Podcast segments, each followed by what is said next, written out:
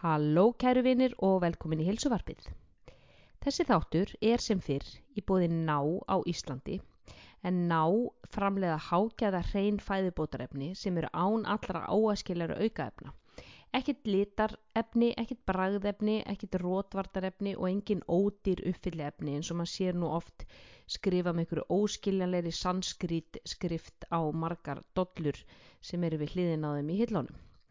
Nú návörðnar eru sætaðar með náttúrulegum sætuöfnum eins og stevia, engin súkaralósi, ekkit aspartam, ekkit asesulfam K, en þetta þrent fyrir alltaf bara loðbeint í þarmaflórunna okkur, þjóstnast á henni og við þurfum nú aldeilis á henni að halda til þess að melda allt þetta reykta og saltaða sem er búið að renna niður vélinda núna um jólinn. Nú mér langar sérstaklega að mæla með ZMA blöndunni. Ég mæli vilt aldrei með neinu nema ég noti það sjálf og ZMA hefur hjálpað mér mjög mikið með endurheimt eftir, eftir æfingar og dýbri svefn og aukna orku. ZMA er sérst blanda af syngi, magnesium og B6 vítamini. Sérstaklega eigur að testosterón framlegslu og bætir svefgæðin ásamt því að bæta ónæmiskerfið og hafa verið núna gerða nokkra rannsóknir á syngi í tengslu við koronaviruna og svona áhrif hennar á ónæmiskerfið og í samspili við D-vitamin. Þannig að það er áhugavert að fylgjast með því. Einni kemur, kemur ZMA stjórn á blóðsikur. ZMA hefur verið mjög vinsalt hjá vakstarækta fólki og liftingafólki gegnum, gegnum tíðina. Magnesium slakar á vöðvonum sem að veldi því að við fáum dýbri og betri svefn og rannsóknir hafa sínt að syng eigur drömfarir og fækkar skiptónu sem við vöknum upp á nóttunni.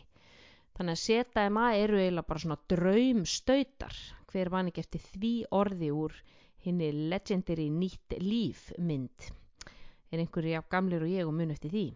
Nú maður fast í Háverslun sem er upp á Linkálsi 13 og þar eru einnig eh, hinnar flottu húdíni útivistaföru sem ég nota mjög mikið og hafa haldið með lífunni hér í ísköldum dönskum vetri og þar fáið einnig Speedo, þið fáið Nike, e, þeir eru með Converse skóna og e, þeir eru voru að bæta við sér Garmin úr honum þannig að það er bara, þetta er svo að fara bara í dótabúð fullotna fólksins þangað. ZMA eh, fæst einni inn á náfoods.is þannig að það er að panta þar og einni auðvita í hinnum frábæru netto verslunum í heilsu ganginum þar. Mér langar líka að nefna född sem hafa bjarga lífi mínu núna þegar allir salir ræktar eru lokaðir hér í Damörgu og þá neyðist maður til þess að stunda sína, sína, sín úti hlaupa aðeins að meiri krafti en áður og ég er búin að vera að nota CVX hlaupafötin frá Irberg Irberg er upp á Stórhöfða og talandi um flotta dótabúð það er æðislegt að fara þangað inn. Þeir eru með nuttpúða og nuttbissur og vasskotta og þeir eru með flottu brúks hlaupaskó og ég veit ekki hvað og hvað en CFX hlaupafötin eru flýsfóðuruð, þau eru með sérstakann stuðningi við hnje og, og mjáðumir og kálfa, þeir eru með kompressjón byggt inn í, í buksunar og ótrúlega þægilegar og klæðilegar. Um, ég á alveg þrennar buksur frá þeim, eina ofsalega fallega vinnröðar og svo er það röndóttar og, og þetta eru frábær og, og gæðin eru sko bara á mælikvarða. Mæli með að kíkja inn á annarkvört eirberg.is eða bara rúla upp í eirberg á stórhauða og aðeins að, að, að leifa, leifa glirnunum að sjá hvað þar er innan dýra. Í þessum tætti er ég að tala við frænda minn, hann Fannar Karvel, við erum þremenningar og uh, hann er frábær, hann á, er eigandin af spörtu uh, líkasættastöð sem er upp, á, er upp á höfða Hann er íþróttafræðingu frá HR, þryggjabarna fadir með eitt á leiðinni og hann er hér að tala um hvaða áhrif COVID hefur haft á þessar lokanir á hans líkasættastöð og hvað hann sér fyrir sér að ætti að gera og, og hvað líkasættastöðvar eigendur hafa tekið höndum saman og, og vilja jafnvel svona leita réttar síns hvað það varðar. Ótrúlega fróðlegur og skemmtilegur þáttur, uh, fannar er náttúrulega eldress, enda náttúrulega þetta er í genónums krakka mínir og er líka hafsjóra fróðleik þannig ég verð ekki hissa því að hann komi bara jafnvel aftur og uh, miðli eitthvað meira af, af sinni þjálfunar reynslu og, og, og uh, við getum kafað í viskubrunn hans.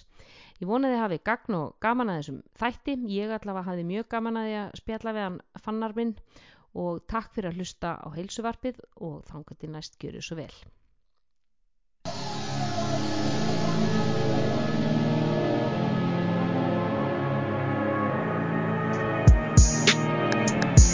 Halló og velkomin í heilsuvarpið. Hér er ég með frábæran gest, engan annan en funda minn, Fannar Kafvel. Hvað lesaður? Sælublesu lisanega. Ég held að ég þurfi nú alltaf að kynna þig fyrir, fyrir þjóðinni en ég ætla nú samt að gera það. Við erum allir um þremenningar, ömmur okkar voru systur, þannig að við förum nú alveg langt tilbaka og þú vilt nú meina það að ég hefði lamið í hausin með spýtu og ég ætla alveg að sverja það Nei, nei, nei, nei, nei, nei, nei, nei. Það var stálrör. Það var, það var stálrör. Það væri svo sem naglanum líkt að vera að berja menn með stálröri. Nákvæmlega. Já, en þú fannar ert íþróttafræðingur, útskrifaðist frá HR uh, og þú ert uh, þryggjabarnafaðir, hvorki meira enn minna og svo ákvaðastu að bæta einu við sem er á leiðinu og kemur í mars. Já, við getum, við getum alveg kallað það ákvæmst, en jú, jú, ok, það er, er fjórðarliðinu, já. Já, og, og þú ert eigandinn af, af spörtu líkasættastöð, já, sem þú átt og rekur á samt konuðinni, henni Sirri, sem er náttúrulega bara dásemdin einn. Heldur við betur. Já, Það er einhver, einhver, það var góða manneski að þóla mig svona lengi, einmitt. Það var alveg sérstu gen í það. það mjög sérstök. Og þú ert styrtaþjálfari hjá HSI og hefur verið að Já. þjálfa handbóltamenn í, í þe- þeirra svona í að byggja vöðva og byggja upp styrk. Mhm. Og síðan ertu kennari í háskólum í Reykjavík, kennir þar enga á heilsuþjálfun. Er þetta ekki svona nokkurn veginn bæjóið sem Svo- ég er að, Svona, nok, nok, jú, nokkurn veginn svona hattarnir sem ég hef, cirka bát. akkurat, maður með marga hata. En þú sést átt uh, spörtu líkasættastöð sem er upp á höfða Já. og segðu mér aðeins, hvernig stöð er Sparta? Kunna lýsa því núna. Uh, þetta er bara svona litla heimilislega ræktin á hotninu eiginlega. Þetta er svona tvískipt fyrirbæri hjá okkur. Annars er það, þú veist, við getum kalla alltaf almenningin bara svona Jón og Gunn út í bæ. Mm. Bara svona litla heimilislega stöðin og svo er þetta svona íþróttavinkillin. Og hérna, hann er svona, hann er bara að verða stærri og stærri eiginlega með, með hverju árinu. Við erum, eins og segir, við erum að sjá um handbóltalandsliðin öll og svo erum við með, uh, við erum komið núna með handbóltadómara, fótbóltadómara, körubóltadómara og einhverja tíu mestrarflokka hérna á, á landinu bara öllu í fótbólta, handbólta, körubólta, blaki, bara nefndu það. Mm. Þannig að þú ert að þjálfa dómara í handbólta og Já, körfubolta? ég, og fótbólta, ég er svona datt einhvern veginn, eins og mikið því sem ég gerir, svona datt einhvern veginn óvart inn í það. hérna, þeir, þeir í mig bara fyrrabræðið, þess að ég gjörði einhvað fimm ár síðan núna, þá hérna þá ringdu dómarinnir þessi forsvarsmaður þeirra, ringdu í mig og, og baði mig um að taka við eða spurði hvort ég gæti tekið við. Og Mm. ég bara svona einhvern veginn jú, jú, gæti gert það, ég var þegar ég var í HR þá var eitt af verk, það var í verknámanu hjá okkur einhverju verkefnum þá vorum við að hjálpa til við mælingar og þjálfun þess sem var með dómarana þá. Og einhvern veginn, ég, hvort það var svona gott impression eða eitthvað, ég veit það ekki að þá hérna, var ég fyrstur á blaði og, hérna, og datt inn í það. Og hérna, það maður ekki að segja einhverja sögur í, í hérna, Kondu með eina sjóðhita. það var hérna þá var, þá var þetta þá var hún bara komin á steipurinn með, með hérna, litlustelpun okkar fyrir á fimm ára síðan að verða. Þá hérna var ég á leiðin að skrifa undir hjá, hjá, hjá KSI og hérna hún var eitthvað búin að finna einhverja verki og eitthvað svona og ég spyrir hérna hvort ég er skullin upp á, á helsugjöslu í tjekk nei, en ég, ég bara rúla þangur sjálf ekkert mál þá fer ég bara niður á, á KSI og ég spjalla þarna við klöru og, og förum við samningin og ég er að kvitta á. Ég man ekki hvort ég var búinn að kvitta undir eða hvort ég, hvort ég var bara leiðin að kvitta undir. Þá ringdi hún í mig. Herri, ég er leiðin á spítala, þetta eru komið. Herri, já, ekkert mál, ég ætla að klára hérna skrifa á og ég. Jú, Og var hann þá að og bara eiga? beinti på spítala. Já, ég bara, ég kom nýr á spítala og hérna, fórum fyrst í tjekknir á spítala. Og ég kem inn þá bara kemur eitthvað læknir, hérna setja á stað núna, þannig ég teg bara beint út í bílaftur, bruna heim, næ í draslið kem niður yfir og ég bara rétt næ fæðingunni, bara ég inn Ó. úr dyrunum, þá bara inn á stofu og, og svo kort er ég mist, mist af. Já, hérna hér. Þetta, þetta er, þetta er einn góð, góð saga. Þannig að þarna varst að skrifa undir bara og svo bara beint upp á, beint upp á spítala í fæðingu dóttuðinnar. Ja, beint upp á spítala bara. Já. En segðu mér með að þjálfa dómara, hvernig er það öðruvísi heldur en að þjálfa bara einn vennilega íþrættumann? Því nú dómarar eru náttúrulega aðeins eldri eða ekki? Og, Jú, svona megnu til. en þeir Þetta þurfa er- alltaf að vera í hörku formi, þeir eru alltaf að hlaupa allan tíman eins og íþrættumennir. Já, já, já, já, það er svona, veist, þetta er ekkit ósvipu þjálfur þannig sér. Veist, það er Mm. meira, meira lagt upp úr þólunni þar heldur en sem það er með styrknum, skilur, þeir er svona ekki að takast á við, við aðra á vellinum. Þeir Mhm. þurfa bara að halda sér í standi til að klára leikin. Þannig að þetta er ekkit ósvipu þjálfur þannig sér. Og það er búið að taka mig smá tíma hjá KSI og svo sem er að byrja svo sem hjá HSI núna og, og, og KKI aðeins, að þeir hugsi, að líti á sjálf sig sem íþróttamenn. Veist, þeir eru bara, þeir eru að dæma á toppleveli að þau á toppleveli og þau þurfa bara að líta miklu meira á sig sem íþróttamenn heldur en einhverja sem að koma bara inn á og veifa spjaldinu og flauta. Já, Þannig að ég er svona, það er stóra uppliki hjá mér, svona, það finnst mér allavega, ég er svona fá þau til að líta á sig sem íþróttamenn fyrst og síðast og svo eru þau bara í öðru hlutverki á vellinum heldur en hinn sem er að hlaupa með boltan. hvernig er svo nálgun? Hvernig færðu þau til þess að líta á sig sem íþróttamenn? Það er bara svolítið hugafarsbreyting meira heldur en kannski þjálfuna, þjálfunarleg þannig séð, sko. Þetta er svona, Mhm. þú veist, bara setja, setja sér ákveðin standard í bara lífinu held ég almennt. Þú veist, Mhm. ekki, ekki hérna, veist, bara lifa eins og íþjóttumæður. Þú þú veist ekki, ekki að gera neitt annað faktisk. Þú veist að hugsa um næringun, þú veist að hugsa um svefnin, Mhm. kvildin og allt þetta. Ekki bara mæta staðinu og hérna, og rölda með og, og flauta eitthvað. sko. Nei, Ég meina nei. svona helda, helda pælingin, sko. Þannig að þetta er svona þessi hugafarsbreyting sem þú ert að vinna í hjá þeim. Þið þurfið svolítið bara að lifa, anda og, og, og, og, pissa bara í kringum það að þið séð íþróttamenn fyrst og fremst. En ég meina oft er þetta fólk í öðrum vinnum. Er það ekki? Já, jú, það er bara alveg sama og, og íþjóttumennir hérna, skilur. Það eru örfáir, örfáir íþjóttumenn á Íslandi sem eru bara fulltime atvinnumenn, Já, skilur. já. Megnið að fólki er bara í vinnu og skóla og öllu þessu. Þannig að það er ekkit, þetta er ekkit rosa mikil, mikil munur þannig sé á, á húst, bara hugafars nálguninu, sko. Þú ert bara íþjóttumæður fyrst og síðast. Mm -hmm. Svo Mhm. er náttúrulega sérstaklega í fótboltanum fullt af dómurum þar sem að sjá alveg tækifæri, þú veist, það er hægt að fara að dæma ellendis í, í hérna, Európukeppnum og, og landsleikjum og svo leiðis. Þannig að það er, veist, það er alveg tækifæri þarna í domgæslunum eins og í íþjóttumennskunni að fara næsta skrif, fara í svona, þú veist, við getum kallað atvinnumennsku eða hvað það er. Já, Fara að dæma á ellendum vettfangi. já, já, akkurat. Já, og það er náttúrulega mikilvægt að vera með þetta hugafar. Ég er íþróttamaður, ég þarf að hugsa, hugsa um mig alveg eins og, eins og slíkur. En nú ertu með sko Jón og Gunnu í spörtu, ert bara með hinn bara sótsvarta almúa, bara eins og okkur hinn. ná. Og, og hvernig er, er þið með, er þetta crossfit stöð, er þetta bootcamp, er þetta metabolic, þú veist, hver er, hver er nálgunin? Þetta er svona, þú veist, nálgunni er meira bara svona basic stöðvaþjálfun í raun. Þú veist, við erum Mm. ekki, við erum ekki först í einhverju forskrifuðu prógrami frá einhverjum öðrum. Við vorum það til skams tíma, en bara eins og ég er, ég er rosa mikið svona bara vill vinna ákveðin hátt. Mm Þannig ég fór rosa mikið að breyta þeim pælingum og svo endaði með því að við bara vorum komið svolítið frá upprænlegu pælingunni að okkar svona markmið, það er þetta að kalla markmið, er bara að undirbúa fólk undir allt sem að lífið hendur í það. Þú veist, Mm. ef þú ert ætlar að skipti, á ekki skipta máli hvort þú ætlar að hlaupa þína 10 km í Reykjavíkumarathoninu eða þú ætlar að hjálpa mömmu að lifta þvottavilinni eða hvað það er. Mhm. Þetta er ekki, ekki svipur nálgum bara crossfitið, þannig séð. Við viljum bara fólk sé í standi fyrir allt mögulegt. Já, Við vinnum með styrtapælingum, ákveðnum þólpælingum, mikið mobility í vinnunni.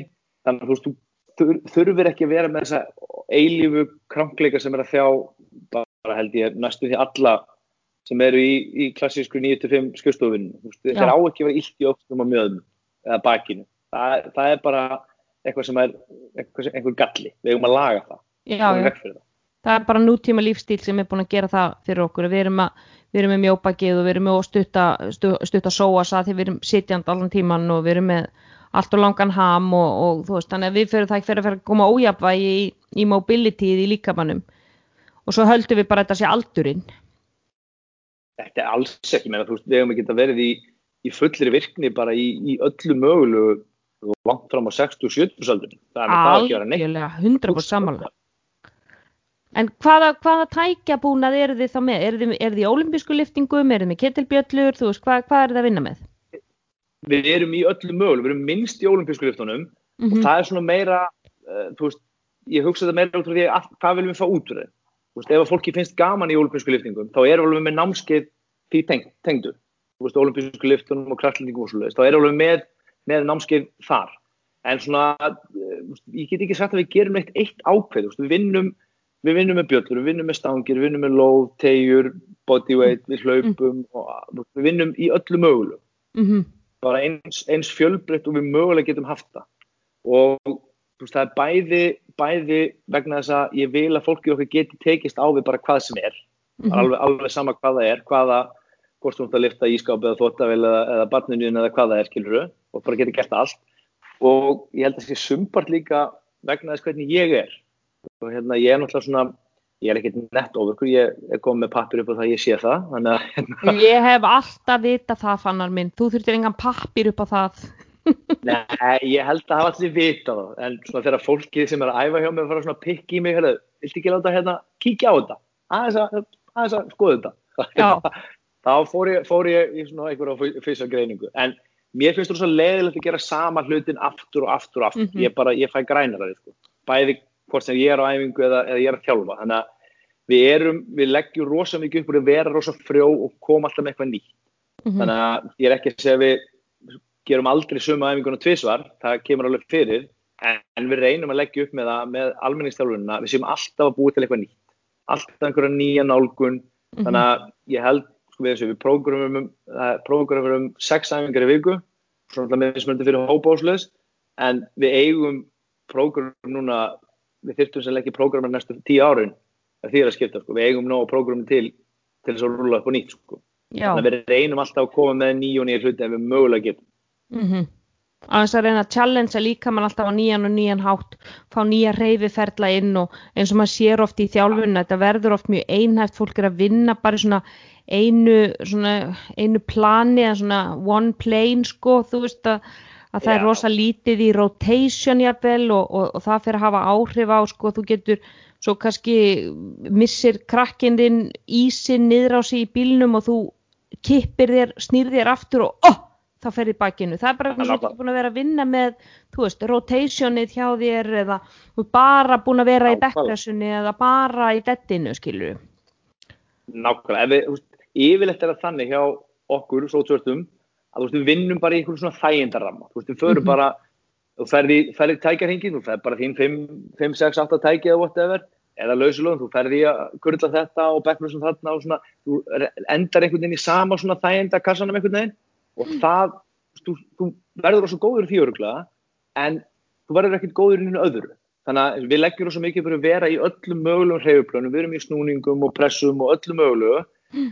en það er líka svona, þú veist, huglega effekt en þetta á alltaf að koma óvart en svo mm -hmm. ég barðist þegar við, þegar við vorum með meðjöndur hjá okkur þá barðist ég svolítið hatramlega fyrir því að við gefum ekki út æfingarnar, þú veist, það kemur ekki að mótninu með kvöldinu fyrir, þetta erum við fyrir að gera núna á morgun þú mm. bara mæt og við gerum það sem er á töflunni. Já. Kanski erum við að fara að hoppa í dag og þeim finnst það hörmulegt, eða við erum að fara að hlaupa í dag, þólæfingi eða eitthvað og þú ert komin og við bara kýlum á það. Það við erum bara að vinna í styrk í dag og þér finnst það hræðilega sem langar bara að hlaupa. Þú bara mætir og það er eitthvað á töflunni. Við hefum vist aðeins breytti núna í, hérna, í COVID-ruglunöllu, mm. þá hérna, hendum við prógramunum kvöldun áður Mm -hmm. Þannig að þú getur undirbúið, þú tekur til björlunar og setur á stofugólu fyrir morgunin eftir mm -hmm. ef þú þarf að, þarf að gera það eða svona, tekur það til sem þú þarft en, en burtið frá COVID þá bara er, er, er þetta svolítið svona element of surprise sko. Já það, og það er líka gott sko, það er mér fannst alltaf þegar ég var til dæmis í þjálfun að, að sko hann sendi mér prógramið kvöldi áður en ég leita aldrei á það fyrir en ég komin í rættina vegna þess að ég nefndi ekki að fara að búa til eitthvað sko kvíða og vesen einhvern veginn inn í hausnum á mér oh, býtu það er hérna hann er búin að setja börpís og þröster saman, það er svo vond og ógeðslegt og þetta verður hræðilegt að sko, bara þegar ég komin ok, þetta er það sem ég er fara að gera þú getur ekki optað út úr því neitt núna og það er náttúrulega fyrir líka fólk sem er að mæta í tíma að það jafnvel, að nei, býttu nú við, hérna, þröst þessu börpís, ég, að ég sleppi bara að mæta. Það er svo auðvelt að sleppa því að þú veist að Nákvæmlega. þetta verður einhver kvöl og pína. Já, þú bara, ef þú veist ekkert fyrir út mættur, þá bara, þú ert komin, þú getur ekkert skorast undan, þetta er bara það sem við gerum. Nei, Það er líka svona elementi sem ég langar að fá, þú veist, ef þú fengir valið, þá myndir alltaf sleppa því sem finnst leðilegt. Þú veist, eins og ég var svona frammi með íþróttafólk áðan, það var TGU á planunni á þeim nokkurum, þú veist, ef ég hefði látið almenningi vita fyrirfram, við erum farið að taka TGU, Turkish Get-Up, ah, nei, ég, mér finnst það leðilegt, flestum finnst það leðilegt, bara held ég Mhm. öllunum að mér. Þannig að þú veist, æ, nei, ég nenni því, ég, ég kem bara á morgun, ég nenni þessu. mhm, mhm, Þú mætir, erðu, ah, fuck, það er TGU, ok, það er allir að gera það, ég ger það líka. já, ég er mættur, ég get ekkert skorast undan því. En þú talaður um núna að í öllu þessu COVID-rugli og við erum alltaf búin að berjast í þetta COVID hérna síðan í mars og ég finna sem betur fyrir vonu bóluefnið að lenda á Íslandi og, og það kom hinga til, til Danmörkur í fyrra dag. Og svolítið skemmtileg saga. Fyrsti gaurinn sem að fjekk það var 92 ára hann hérna var, var uh, í hernum, sérst var í, í hann var hermaður í setni heimstyrjöldina hann er nú búin að lifa, lifa tíman að tvenna. Og hann sagði Ok. þegar hann spurður hvað hérna, hvernig hvað finnst þið nú um að vera að fá bóluefnið? Og hann sagði, ég er svo gladur því að nú get ég verið nálægt konunum aftur. Nú kann ég verið teitt på deminni igen það var þannig alveg gert. töffari.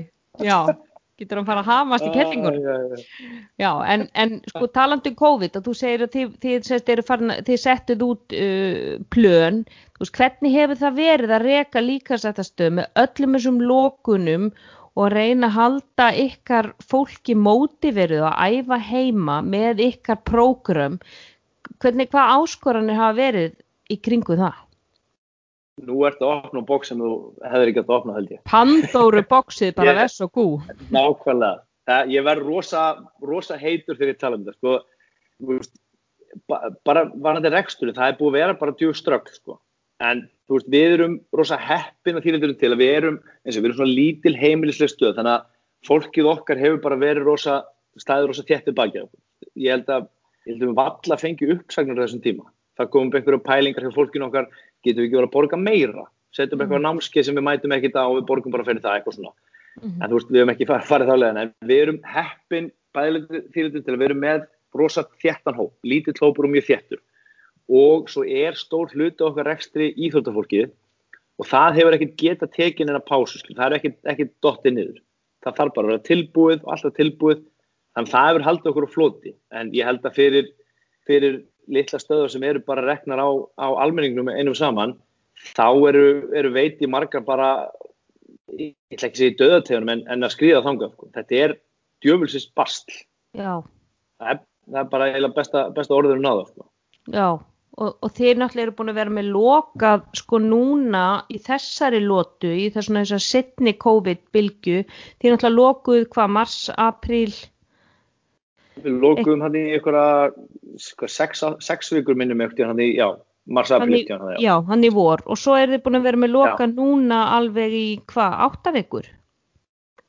Nei, þetta komið meira. Við lókuðum held ég, við minnum þetta byrjun oktober eitthvað og svo máttum við opna hann, ég held að veri bara, hvort það verið tíu dagar sem máttu opna eða eitthvað tíu dagar, tvær vikur, en við opnum þá í tvo dagar fyrir almenning held ég og svo lókuðum við aftur.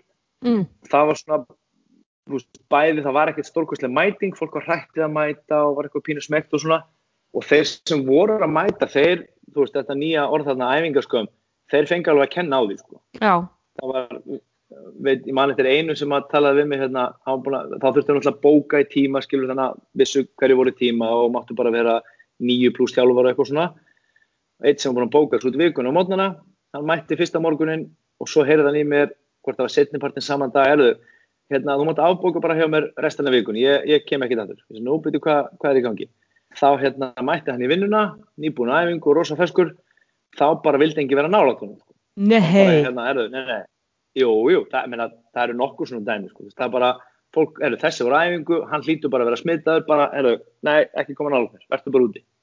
Ha, Já, meina, fólk þorði ekki að, fólk þorði ekki eins og að segja frá því að vera æfingu, sko. Það eru nokkuð Mm. svoleiðis dæmi. Fólk bara, Mm. bara þorði ekki.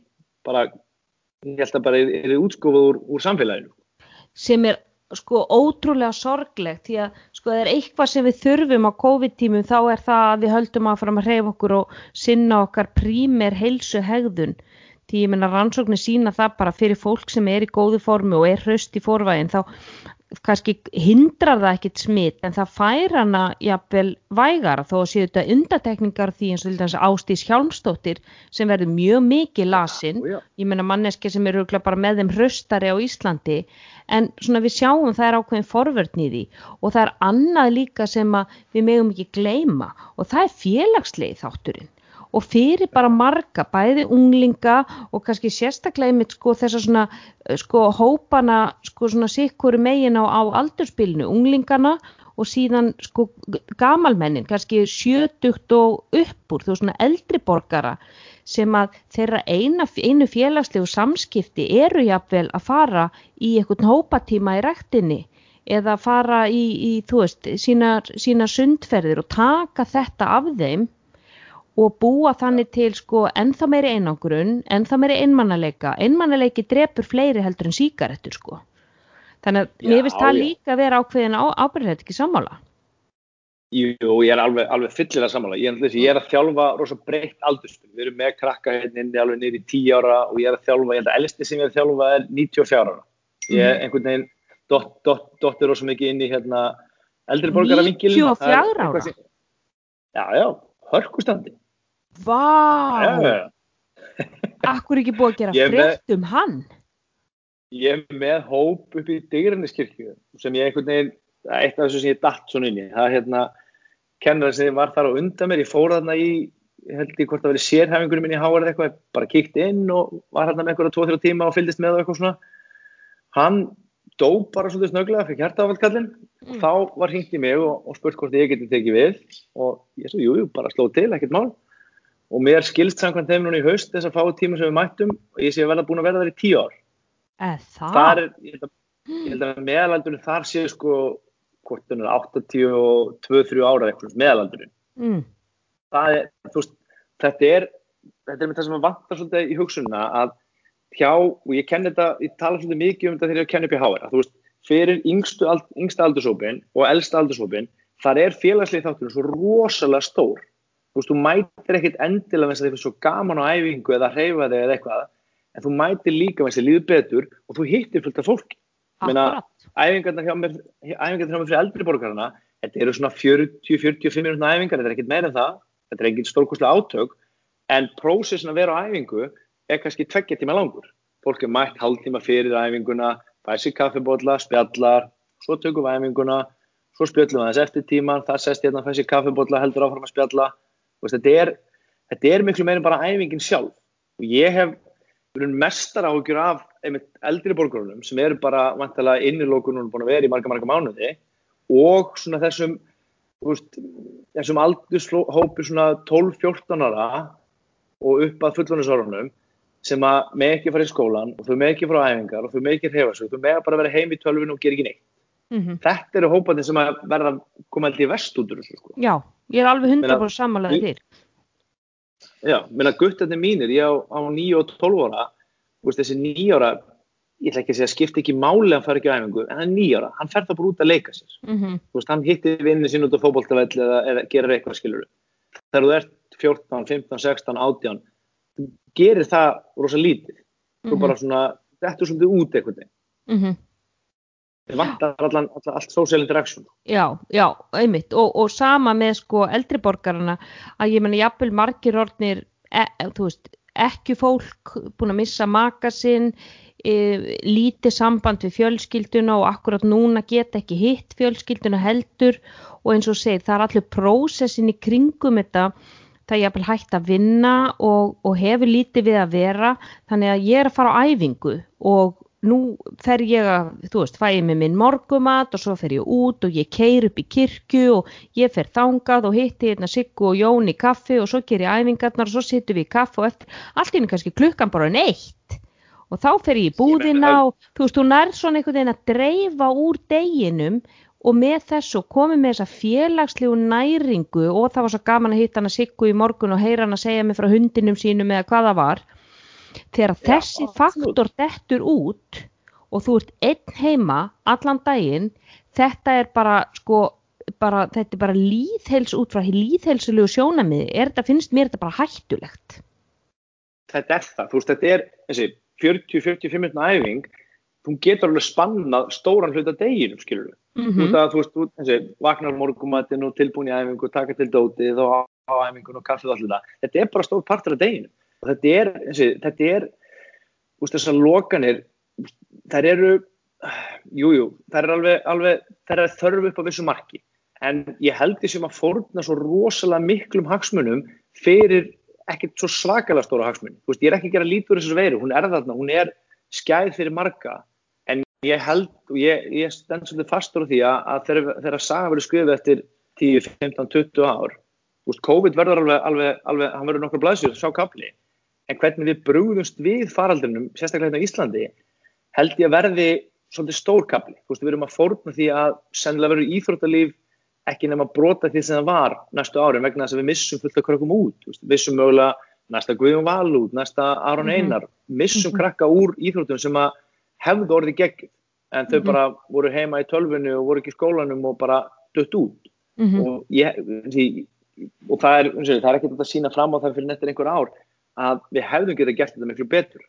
Vegna þess að eins og, eins og staðin er núna ég er búin að kafa svolítið vel í þetta að, og búin að eiga í ágætið samskiptum við Þórólf. Ég sendi honum með því að postum daginn og hérna bara þakkaði fyrir okkar samskipt og, og hérna óskonum gleilar jóla og vona, vona að hann erfitt ekki til mig svona þessi hversu komment í, í fjölmjölum og svona, hann sagðist ekki derfa það við mig og hérna bara þetta er gaman að er taka við fólk. hann er með mjög breytt bakan Þórólur, við erum búin að sjá það. Ég, já, ég held þú verður að, verður að hafa það í þessu. En, en þú veist þeirra sko rannsóknir sín alveg eins og segir að þú veist góð heilsa, hún, hún kemur ekki vekk fyrir þetta. En ef þú færð þetta þá líklegast færð þetta eins vægar. Og ef þú færð þetta og það er alvarlegt þá er dánantíni miklu minni.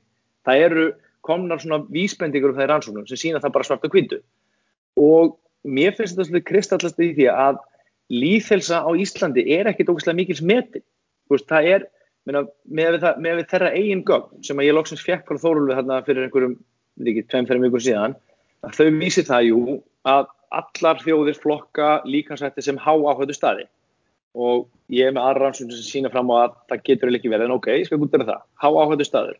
En líkansættir eru það alveg eins og í þessum sama áhættuflokki eru líkansættstöðvar, leikús, veitingastæðir uh, kirkjur og það að vera innanhús eru há áhættu svæði og rannsóknir þeirra segja að, að þetta eru há áhættu staðir þó er hættulegra í COVID sjónamiðum að vera á veitingastæðir en líkansættstöð en líkansættstöðvar eru þar einu sem eru lokar það er ekki loka veitingastöðum eða, eða leikúsum eða neinn þannig að veist, ég, ég skil ekki alveg, alveg pælingun af hverju þessu er lokað Nei, og ekki hlutir- kringlan, kr- ekki kringlunni lokað. Og þar má vera bara þrjúðust manns inni og eða eitthvað, þannig að ég, og ég fór þangað fyrir jólun það er alltaf bara mani út af fyrir sig sko. já, já, en það er eins og hér í Danmörku, þá lokuðu þeir öllu, þeir lokuðu líka sættastöðum, þeir lokuðu líka öllum leikúsum, bókasöfnum, bíóum veitingahúsum, kaffihúsum þetta er allt lokað, allir staðir verslunarmiðstöðar, þetta er allt lokað núna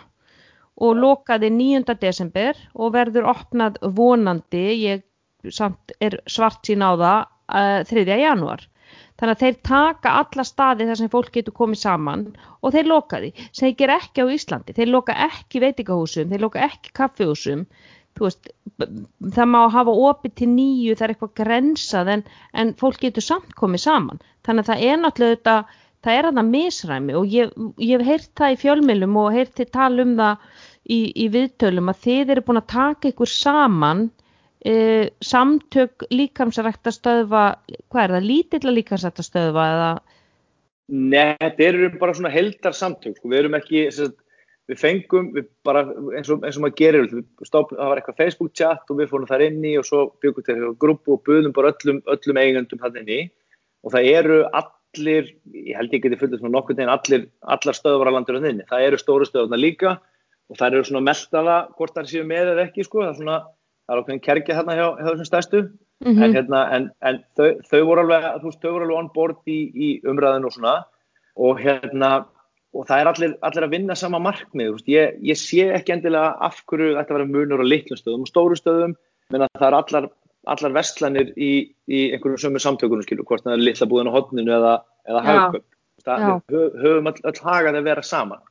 En við erum búin að alveg kafa svolítið djúft í þetta og eiga fundi með, með hérna, ekki ráþæra og, og þóróli, við fengum fundi með staðgenglum. Og við fáum engin almenna rauk fyrir því af hverju það er lokað hjá okkur en það er opið í veitingastöðum sem þeirra gögn segja að séu hættulegur heldur en rættir það. Við mm. meiri séu að tala um einhverju svona, einhverju svona fifferingu, þú veist það má vera veitingastöðum að vera opnum til þetta í tíu en það má ekki koma nýra einstaklingurinn eftir nýju eða eitthvað sem minnir þetta að segja hvernig mm -hmm. mm -hmm. en við, lög, við lögðum upp bara, þú veist, ok, við getum farið eftir svona reglu, við getum passað þessu tveir metrar á milli alltaf, þú ert bara inn í þínu þínum fjara fermetra kassa, þú fer ekkert út úr honum, þú ert með dótið þitt þú ert með grímið og fyrir út úr kassanuðinum rosa stífa reglur sem við sögum bara ok, við getum gert þetta ekkert mál.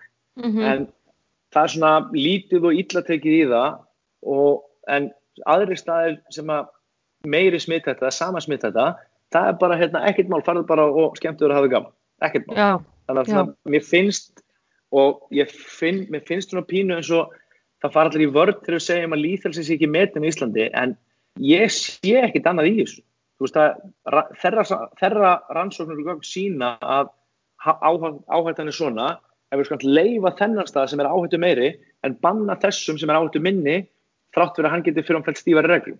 Þannig að þú veist, ég sé ekki að líðhelsi sé mikil smetin á Íslandi. Bara Nei, því miður. Og, og við skoðum líka bara nýlega, nýlega frétt sem ég sá nú bara á vísi í gær að við erum feitasta þjóðina á OECD-löndunum. Við erum með 27% fullorðina sem eru sko ekki í off-þyngd heldur í veist, við erum í obese. Það er 20 og við, við erum Já. trónum þar á toppnum og rannsóknir sína það að vera í yfirþyngd er stór áhættu þáttur fyrir, fyrir COVID. Og, og eru, það, það fólk er í forgangshópi í, í, í hérna bólusetningu. Já, en sko viljum við ekki... Einhver er áhættan hlýtur að vera.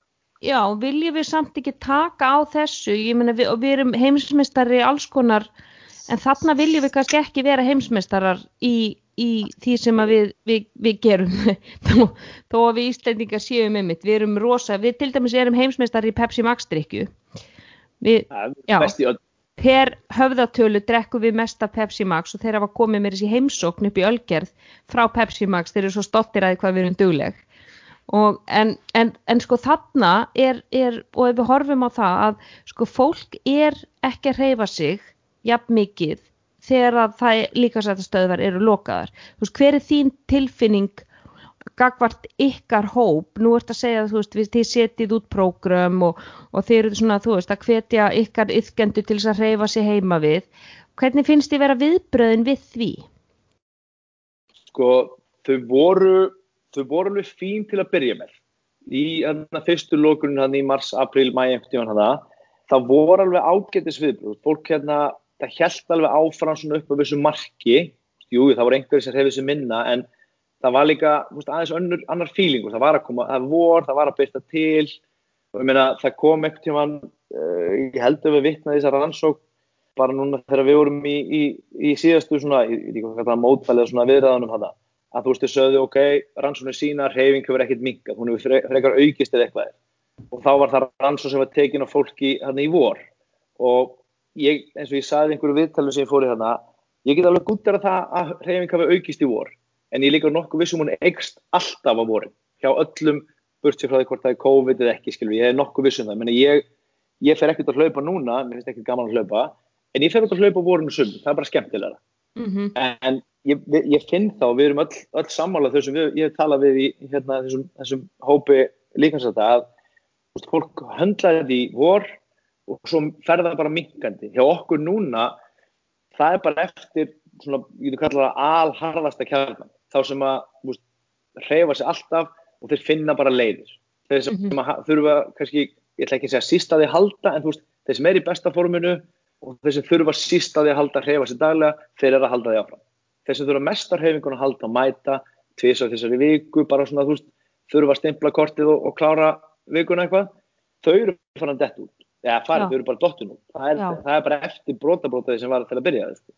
Já, hvað myndir þú segja svona í, áttur að bara svona slumpa á einhver, einhverja svona prósentu?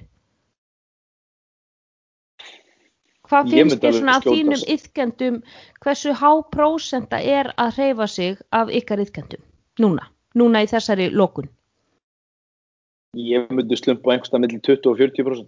Það er ekkert meira. sko. ok, en hvað heldur í, Ég- í ég- fyrir lokun Þar voru við alveg í, í þú veist, 60, 80 pluss. já, það var, alveg svo haug. mikið Já, það var alveg, þú veist, það var miklu meira. Meina, við erum með live æfingar hérna á mótnana sem ég er eitthvað að sprikla frá myndavel eitthvað og ég sé alveg droppið bara þeim sem eru að horfa live, þú veist, þetta er bara, þetta hrein. já, já, já, já Það, meina, það, er, það er eftir bara örfáir núna sem fylgja, fylgja mér á mótnana og, og ég er ekki eins og við sem allir þeirra séu að reyfa sig. nei, Það var Nei. einhver sem, einhver, sem, einhver sem sagði mér um daginn, þú veist, hún vaknar alltaf sex, heldur því bara áfram, en ég er ofta að ná skjánum hjá henni og hún er að brjóta saman þvottin og svona. já, já, ok já en það Þannig að er náttúrulega sko eins og segir. Já, þetta var miklu auðveldara í vor.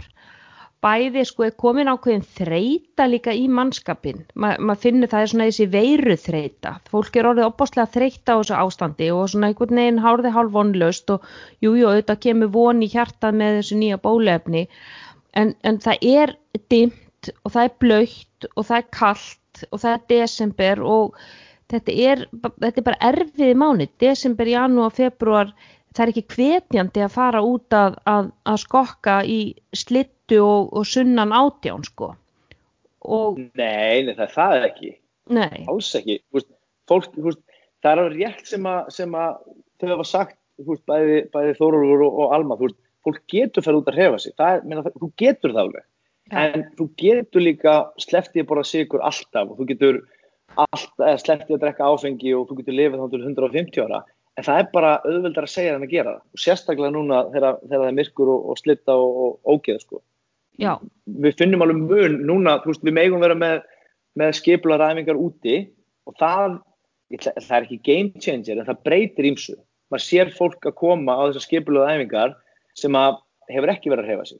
mm, Það er bara út af félagskapin. Það hittir fólkið það saman. Veist, Við erum að æfa, þú veist, þegar það er samilegt viður þá erum við bara hérna úti í, við himnastegin í Kópavegi og, og bílakjallarnum í Smáralind og eitthvað svona. já, já, veist, við, við bara finnum, finnum leiður og gerum það. Og það gerir alveg eitthvað það, það er aldrei það sama. Veist, þannig að það er, það eru bara þessi, er að svo, það er bara þessi grjóthörður sem er eftir.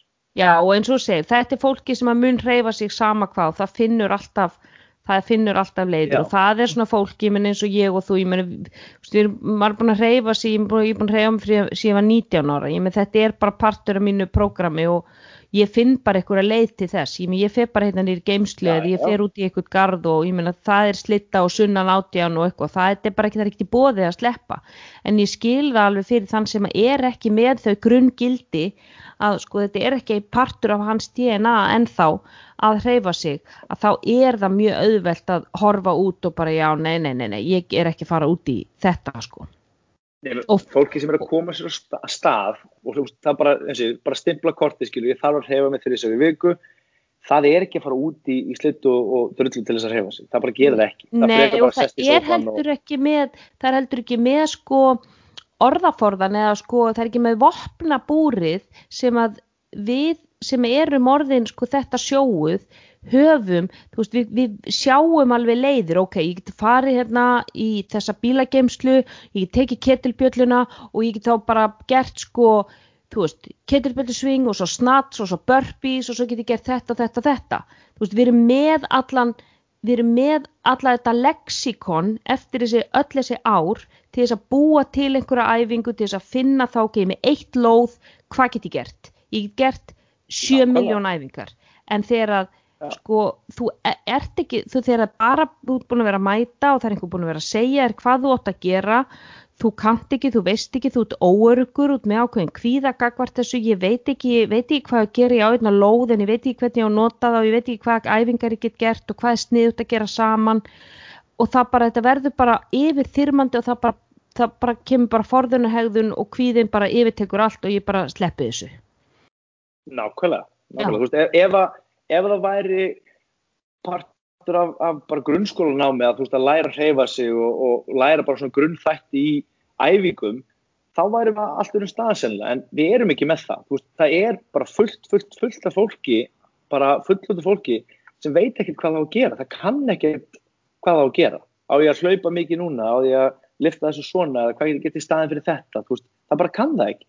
Nei. þá gerir það ekki Nei, nei og, það, og við getum alveg sett okkur í þessu spór, ég meina ef einhver segir, ef einhver sko reyndur bakari, bara já, heyrði, ég ætla hérna að skella í, þú veist, piparkökurinn, ég ætla að tvíka hérna uppskriftina, ég meina við förum alveg eftir uppskriftina því við, við kunnum ekki neitt og við þórum ekki býtu hvað við bæti hérna við, þú veist, hvað gerist ef við set negul út í þetta, þú veist, verður þá alltaf ónýtt, en reyndur bakari veit nákvæmlega, já, heyrði, við skellum bara smá negul í þetta, það verður geggjað sko veist, þannig að við getum alveg sett okkur, ég meina ef við opnum hútti á bílnum okkar bara, já, blessaður, hvað er ég að gera einna, setja þjætti hósuna hér eða eitthvað skil, ég kann ekki neitt, veit ekki neitt.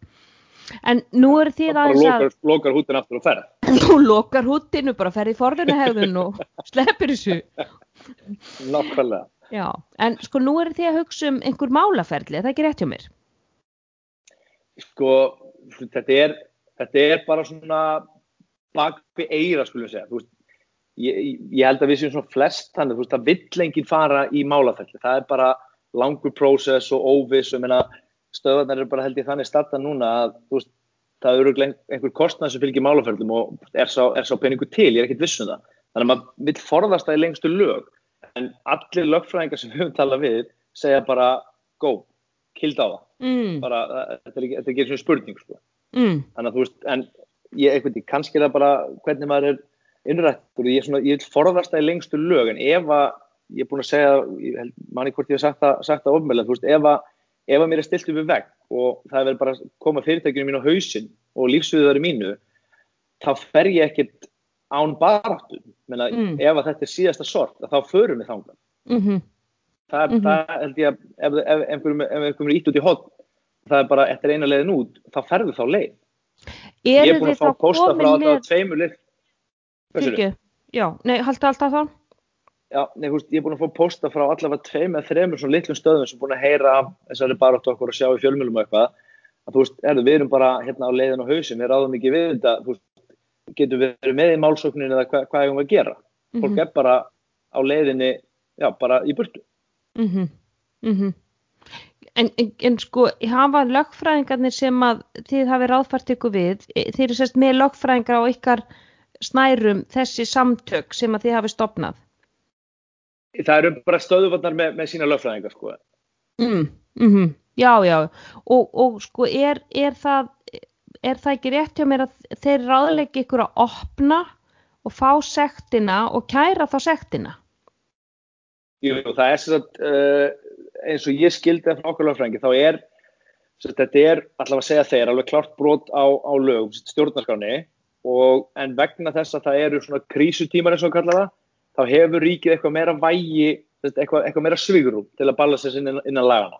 Mm -hmm. Þá getur við ekki farið í mál við ríkið skadabótamál en þeir tala um að við ættum bara að opna eins og lögfræðingur okkar alveg okkur, bara að opna, fá fólk á æfingu, svo bara ringi við sjálf í löggun og segjum, herða, við erum með opið hérna, mm -hmm. þeim er endilega að koma að loka hjá okkur. Þá koma þau og sagt okkur, við mótmælum sektinni og förum með það fyrir rétt. Þeir sögðu bara, þú veist, það er bara tíu okkur í tíu vinnum við það mál, ekkit, ekkit vesen og þá er auðveldara fyrir okkur að fara í skadabótumál. Mm, ok, og hvað er, sko, hvað er planin? Nú er, nú er á planinu að, að opna 12. janúar, er það ekki svona það sem hefur verið gefið út? Jú, það er að koma þessar nýju reglur þá, ég er 12. að 13. og hérna, og þá erum við að vonast þetta að opna en, en bara ef ég að hreinskilin, ég er ekkert bjart síðan á það. Ég frekar tilfinningina mér að hérna, eftir, eftir jóla áramótagleðina þá farið smitt bara hérna einhverjum einhver svona, einhverju skæru okkar til hóftið sko. þegar fólk fyrir að fara í tjekk sjálft og eitthvað svona þannig að ég, ég er ekkit vissun um það sko.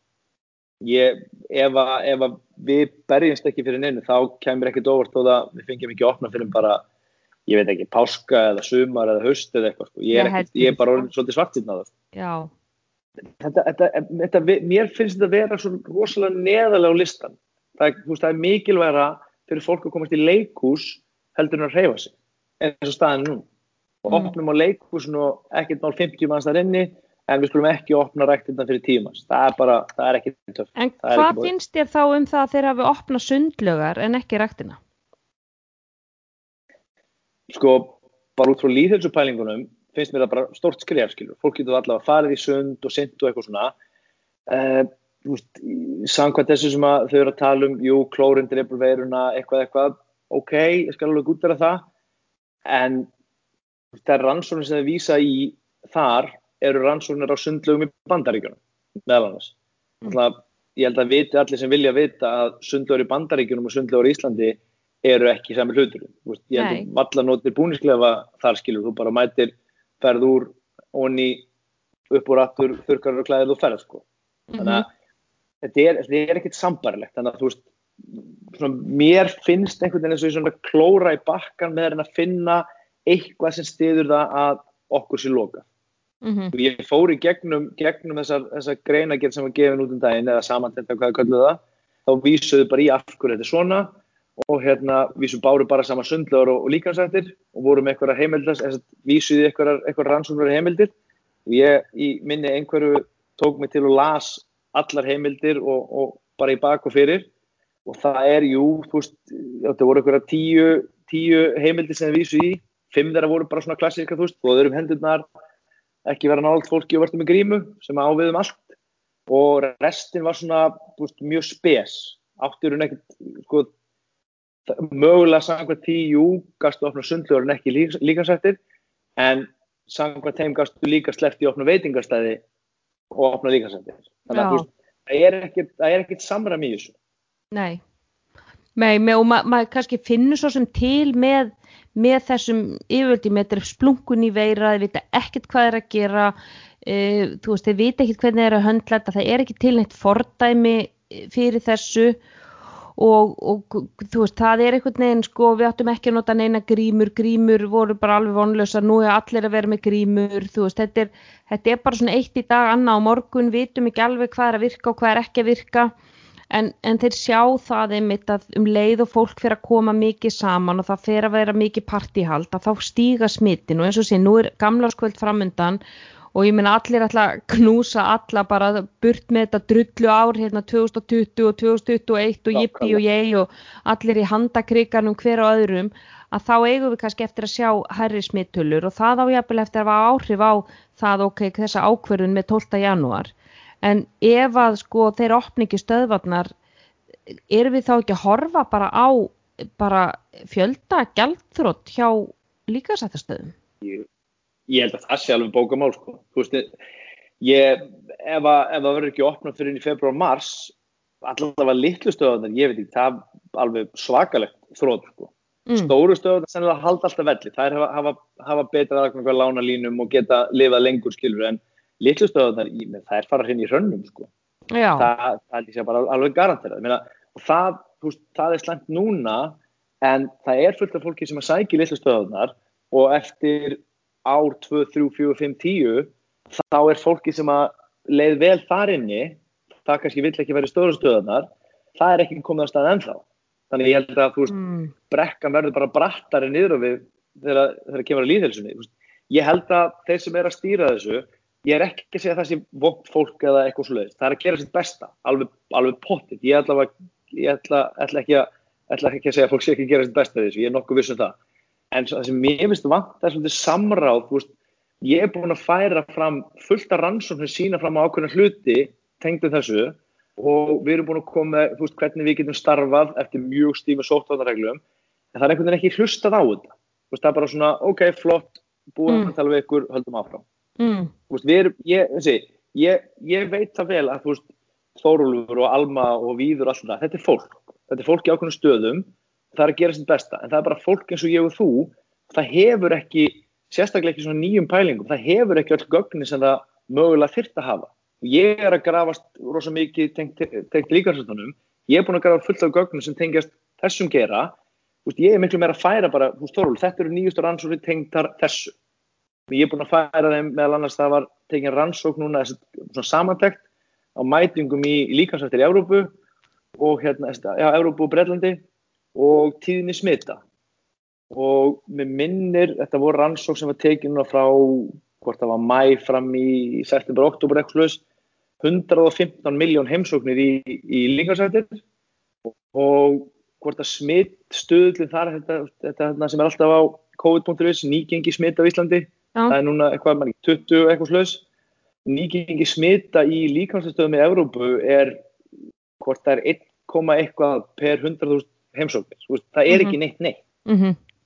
þannig að veist, er, við erum greinlega ekki þessi forarpittur síkingar sem að Nei fólk að vera á láta sko. Nei, nei, nei, nei og, og, og sko það verður líka að hafa í huga sko að það er svolítið annað að stunda eh, nefaleika einhver staðar eða, eða vera svona einhverjum þjættum konta eða fara í jiu-jitsu eða judo eða ég sé bara einhver staðar einn út í hotni að, að taka mína nefbegur skilur þetta, þetta er náttúrulega við getum ekki sett alla, alla líkamsrækt undir sama hatt.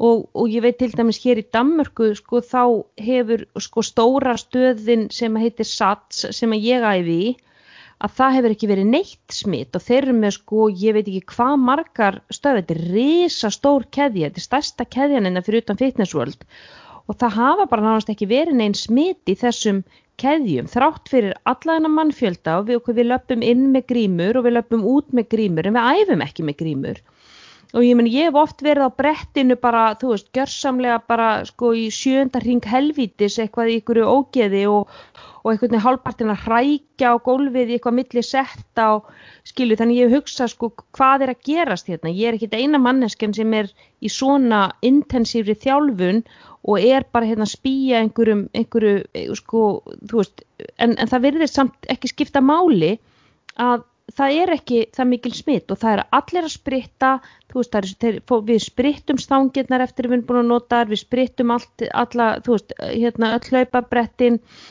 Við höldum veist, það sem er kallað í daninir hol ásten þú veist, við erum að halda þessari nándar hérna reglu, þú veist, Já. maður er ekkit onni næsta manni og við komumst alveg upp með það því að það myndir stór rými.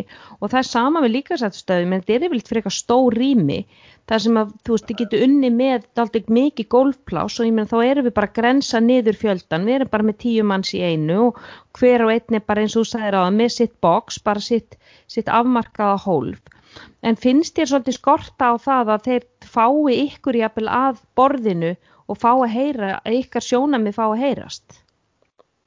Já, það, ég held að skorti bara algjörlega. Ég veit að, að einna, einna eigundur stórustöðuna meðal annars bauð fram aðstöð við að það kom ekkert tíðan, ég man ekki hvort það var í oktober einhvern tíman, eða hvernig það var, þá var, voru eitthvað reglur að að uh, hvort að hóptímar mætti vera leifilegir, crossfit stöðvar og, og eitthvað svona, það var leifilegt en ekki líkansættir og hann er með crossfit stöð innan húsi á sér. Þannig að veist, hann fór að fór að tala við veist, ok, má ég þá vera með alveg opið eða bara þennan hlutu opið eða hvernig það er? Og bauð fram aðstof við að orða orðareglugjörna betur, þannig að veist, mætti, þetta væri bara skýrt hvern, hvaða mætti og mætti ekki. Þessi, þau kannski þekki ekkit almenna reksturinn hvað má og ekki og hvernig er þetta að gera þetta. Og hann bauð fram aðstof og það var bara pent nei, mm. Ég, það, það vantar svolítið input frá þeim sem vita hvað er að tala um í þessu. Mm, það er mhm. svona þessi það er búið, bjóð, það er búið að bjóða það og raun ekki, ekki tekið marka á því finnst mér sko. Nei, nei, og það kannski á við um fleiri geira líka örgla frá vestluninni og frá, frá veitingahúsunum og frá börunum og þeir náttúrulega einmitt hafa fundið fyrir sínu líka þannig að það kannski vantar að fá fólk frá úr, úr hinnum ímsu sko kemum atvinnigerast til þess að að segja sína, sína meiningu. En, en eins og segja auðvitað maður treystir þessu fólki þetta eru, þetta eru lærðara fólk heldur en við og, og eru auðvitað bara að gera sitt best og reyna einhvern veginn að navigata í gegnum sko hræðilega tíma og hræðilegt ástand og, og, og ég bara, einmitt, ég fyndi samúðar með þeim að reyna að finna lausnir á hverjum degi, hvað virkar, hvað virkar ekki og hvað er að gera og hverju er að loka og hvað hagsmunum er að fórna fyrir hvað og ég held að þetta sé ekkit léttar ákvarðanir sem þau eru að taka. Nei, alveg langt í frá veist, ég, ég, ég er full að trúa þessu fólki, veist, það er að gera sitt allar, allar besta, Minna, þó svo kannski lítið þenn út í fjölumölum að, að ég sé einhver svar en óvinnur Þóróls, ég, ég er búin að senda honum mikið magna tölupóstum og hann, að, hann svara mér alltaf mjög kurtisilega og, og pent, skilur, þetta, ég er bara miklu að trúa þessu manni, hann er mjög góður í sinu fægi, en eins og hann er búin að segja svo oft, hann, hann er að hugsa um COVID-veiruna og punktur, það er ekkit meira sem hann er að hugsa um bara hvernig mm -hmm. þetta að hefta það smitt en þetta er bara búið að vera það lengi og verður tölvert lengi viðbúð að við getum ekkert haldið svona út mikið lengur, veist, það er ekki bara líkansrættin sem fara á hausin, það fara barir á hausin og veitingastæðir og minna, fullt fullt af fyrirtækjum. Ég held þess að þetta gerir þetta miklu miklu betur ef að það leita eftir aðstof við að útbúða, menn það er að búa til ákveðin reglur ramma fyrir eitthvað sem flokkast til líkanstöðar hvað þarf að, húst, það þarf að vera svona margir spritbrúsar svona margir inn í jari, jari, jari. Við getum alveg framfyllt því ef við fáum að opna. Sami veitingastæð og barir og eitthvað, þú veist, ef þú setur bara ramman þetta má, þetta má ekki það er bara viðlug við því menna, ef, þú, ef þú fylgir ekki rammanum og þú fær miljónkalli segt þá ferður bara hausin eða, eða hvað það er en hinn er framfylgja potið Þannig að ef að þú fengir að vera ef þú fengir að vera þórólfur í einn dag hvað, hvað, myndi, hvað myndi þú gera núna til, í varandi líkasæðastöðar? Já, kongur, kongur í einn dag sko. King Þórólfur. Kongur í einn dag.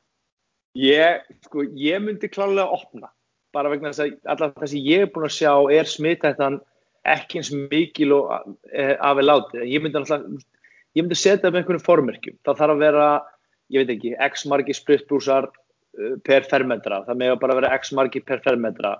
Þú veist, það má ekki vera blöndun um milli hópa, það þarf að vera kortir eða tímyndur eða hálftími eða hvað það er frá því að þessi hópa frá út til næstu hópa kemur inn, eitthvað svo leiðis það er að snýða bara reglum, þannig þú veist það er um bara smáatir eins þarf að setjast niður í nokkra tíma og, og hérna, teikna út og svo er það bara klár Skilur, þetta er raun, þú veist, við getum alveg fyllt þessum svona, hvað kallar þetta alltaf, andareglugjörðana sem er að mhm. minka smittættu og minka hópamöndu og allt þetta. Það er alveg að fylgja því að bara setja niður einhverja svona, þetta er finstilling á, á starfsemi.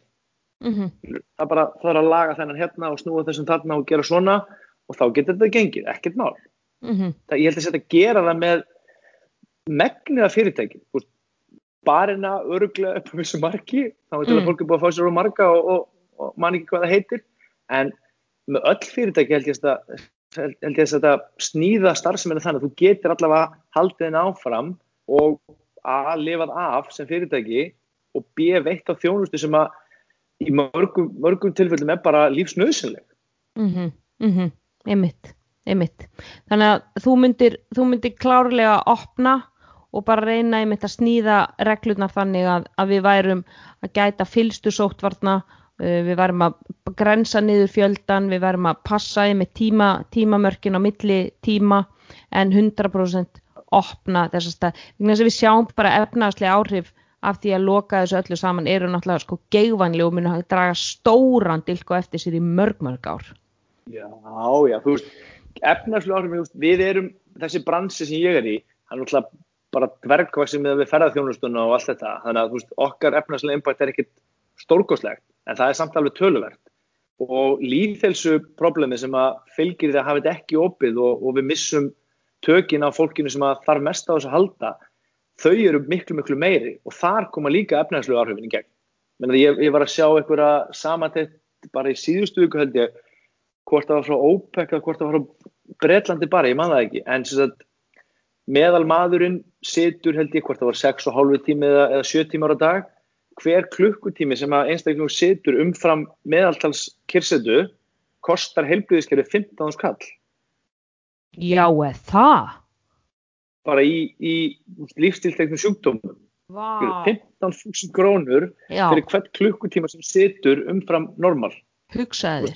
Þetta er ekkit, þetta er ekkit litlar uppæði sem að sko, koma þá og ná heilblíðiskerfi sem er núna mm. hérna á Íslanda allavega basically bara svona á kafi sko. einsum, einmitt, svo að segja og við erum að missa út þetta fólk úr sko reglulegri reymingu, fólk er að missa motivasjónuna við vitum að það er erfitt að koma sér að staða aftur og við vitum það líka rættin er ofsalega hvetjandi umhverfi og, og fyrir okkur sem hafum slitið skónum innan, innan sko rættar sala að það að hafa fólk í kringu sig, það er lyktinn, það, er, það eru hljóðin í lóðunum, það er félagskapurinn, það er Siggi og Gunnar sem ég er að keppast við, veist, þetta er allt óbáslega hvetjandi, það er ekkit rosalega hvetjandi að vera inn í stofu einn með einhverja ketilbjöll og horfa okkur tölvuskjá, við vitum það alveg. Var, og ef við erum að missa fólk, neitt, sko. nei, þannig ef við erum að missa fólk úr og missa fólk úr reglulegri reyfingu að þá er það örgulega að fara að kosta heilbriðiskerfið in the long run sko stórkostlegar upp að þér Já, ég er alveg, alveg 100% af því sko. Alveg, veist, ég, það þarf að sína mér eitthvað svakalega tölu til þess að fá mig ofan af því sko. Ég held að þú veist, það er stóri kostnæður í þessu. Þú veist, að ræktinnar fara á hausin, eða fara allar á hausin, þú veist, það er rosa kostnæður og, og fólk aðdunust og allt það og það er einhver kostnæður. Ég held að stærsti kostnæðurinn sé að við missum út fólki sem endar hjá bæklunarleiknum og hjá sjúkarþjálfurum og í aðgerðum mm. og jari, jari, jari, mm. kiluru. Það er rísastóri pakkin sem að kemur eftir einhver ár. Já. Ég var að ræða þetta, búin að ræða þetta um nokkur sem einn af, af eigundum stórustöðana, hann bjóst við því og það var held ég bara í nógumber sem ég talaði, um, fyrir bara til nógumber, hann bjóst við að tæki svona þrjú, fjögur ár að koma sér tilbaka á þann stað sem hann var á. Já. Þá ertu búin að missa út fólki sem að á erfitt með að taka fyrsta skrefið og það tekur 2, 3, 6, 12 mánuð að koma sér á stað aftur. Já. Í það minnsta. Þannig að veist, það tek, það, þó það opni í janúar, við erum ekkert komin í, í aksjón í janúar, við erum komin í aksjón í janúar á þarnast árið. Það, það tekur svo langa tíma fyrir þá sem að er ekki svona bara verða að reyfa sér dagstæla til að lifa af, að koma þér sér á stað aftur. Já, já. Það, Það er, alveg, það er alveg rétt. En það, það er, sko, við skulum bara vona, þannig að við erum nú bjart sinnis fólk á upplæði, við erum nú bæði, við erum náttúrulega, erum úr djúpinu, það er, það er sko, það er hart, ég segi alltaf naglagenið mitt, það kemur úr djúpinu sko, við, það er, Já, það er þetta hardgera hérna, element í okkur. Og við náttúrulega erum bara uppfylla bjartsinni og við syklum þetta áfram bara á, á nefanum, það er búið að vera frábært að tala við því fannar, bara hjartans takkir fyrir að koma í heilsuvarpið og varpa ljósi á það sem er að gerast svona mitt í þessum heilsurækt að gera og hvaða áhrif COVID er að hafa bara á, á okkur sem fólk og, og, og, og á veist, starfsemi og starfsfólk og bara hinnan ímsu, þú veist, ímsu kema atvinnulífsins. En hvar getur fólk fundið spörtu, hvar getur fólk fundið þig, hvar getur það fyllt ykkur, samfélagsmiðlar, allt saman? Herði, ég held ég sem bara sparta Reykjavík á, á flestum samfélagsmiðlum. Svo held ég, svo er svo Facebooki mitt og Instagram allt, þetta er búið mikið bara vinnutengt núna, þannig að hérna, ég er bara að fanna Garvel og, og Sparta Reykjavík, þar eru, þar eru við, flestu stöðum. Sparta Reykjavík á, á Insta, Sparta Reykjavík á Facebook, endilega fylgjið þeim, þið setið oft skemmtilegt inn í stóri og gaman að fylgjast með ykkur á, á Insta, ég er alveg, ég er, ég er follower sko, en eins og ég segi, hjartast takkir fyrir að, fyrir að koma og til ykkur hlustundu góður, takk fyrir að hlusta á heilsuvarpið og þang til næst, verið bless.